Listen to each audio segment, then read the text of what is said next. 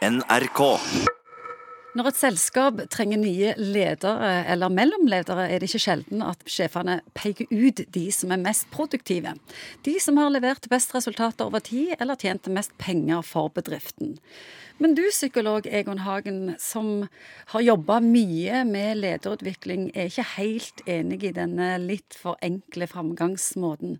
Hvorfor ikke? Nei, det er sånn at du kan si Når du går fra å være en flink fagmann, og det er helt riktig som du sier, at de fleste blir rekruttert fordi de i utgangspunktet har fiksa det som var den vanlige jobben deres. De har vært flinke fagfolk. Det virker jo logisk at de som er flinke, hjelper de som Ja. ikke er fullt så flinke. Men det er sånn at når vi har vært gode i Norge, så har vi en græla tendens til å ville gå tilbake igjen til det vi var gode på. Eh, laksefiskere, vi vet hvis du får en laks til en høl, så har du en tendens til å vende tilbake igjen til den hølen. Og Sånn er det òg som ny leder. Du har en tendens til å vende tilbake igjen til de tingene som ga deg suksess i utgangspunktet. Og det, noe av det der første tørn på denne lederpipelinen, som vi sier, det handler om å skjønne den overgangen. At nå er ikke du lenger sånn sett en fagperson. Nå skal du skape resultater gjennom andre. Og det er så fristende å gå tilbake igjen og løse de oppgavene som du hadde tidligere, mens du nå skal få andre til å blomstre, andre til å løse disse oppgavene.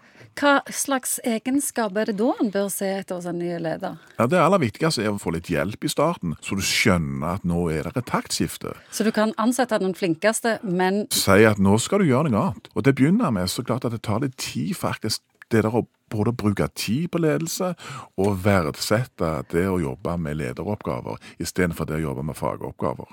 Et større blikk i forhold til folk. Hva knapper skal du trykke på? Hva tangenter skal du spille på? ja, hvor viktig viktige er de personlige egenskapene da?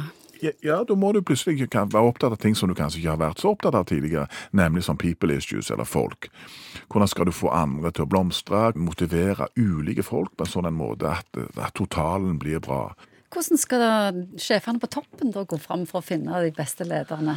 Det er et kjempestort spørsmål. Det Ja, for det er kjempedyrt å, å, Det er å finne det, feil person. ja, det, det- det er jo sånn at fatalt. Ja, når vi snakker generelt om ledelse, så er det vanskelig fordi at eh, ledelse er jo alltid i forhold til en kontekst, i forhold til en sammenheng, i forhold til noen forretningsutfordringer og alt dette. Så det som kan være en god leder i en sammenheng, altså er du leder i en reklamegreie, så er det noe helt annet enn å lede en gjeng av revisorer. Eh, No, no offense, men det, det er forskjellige utfordringer knyttet til dette.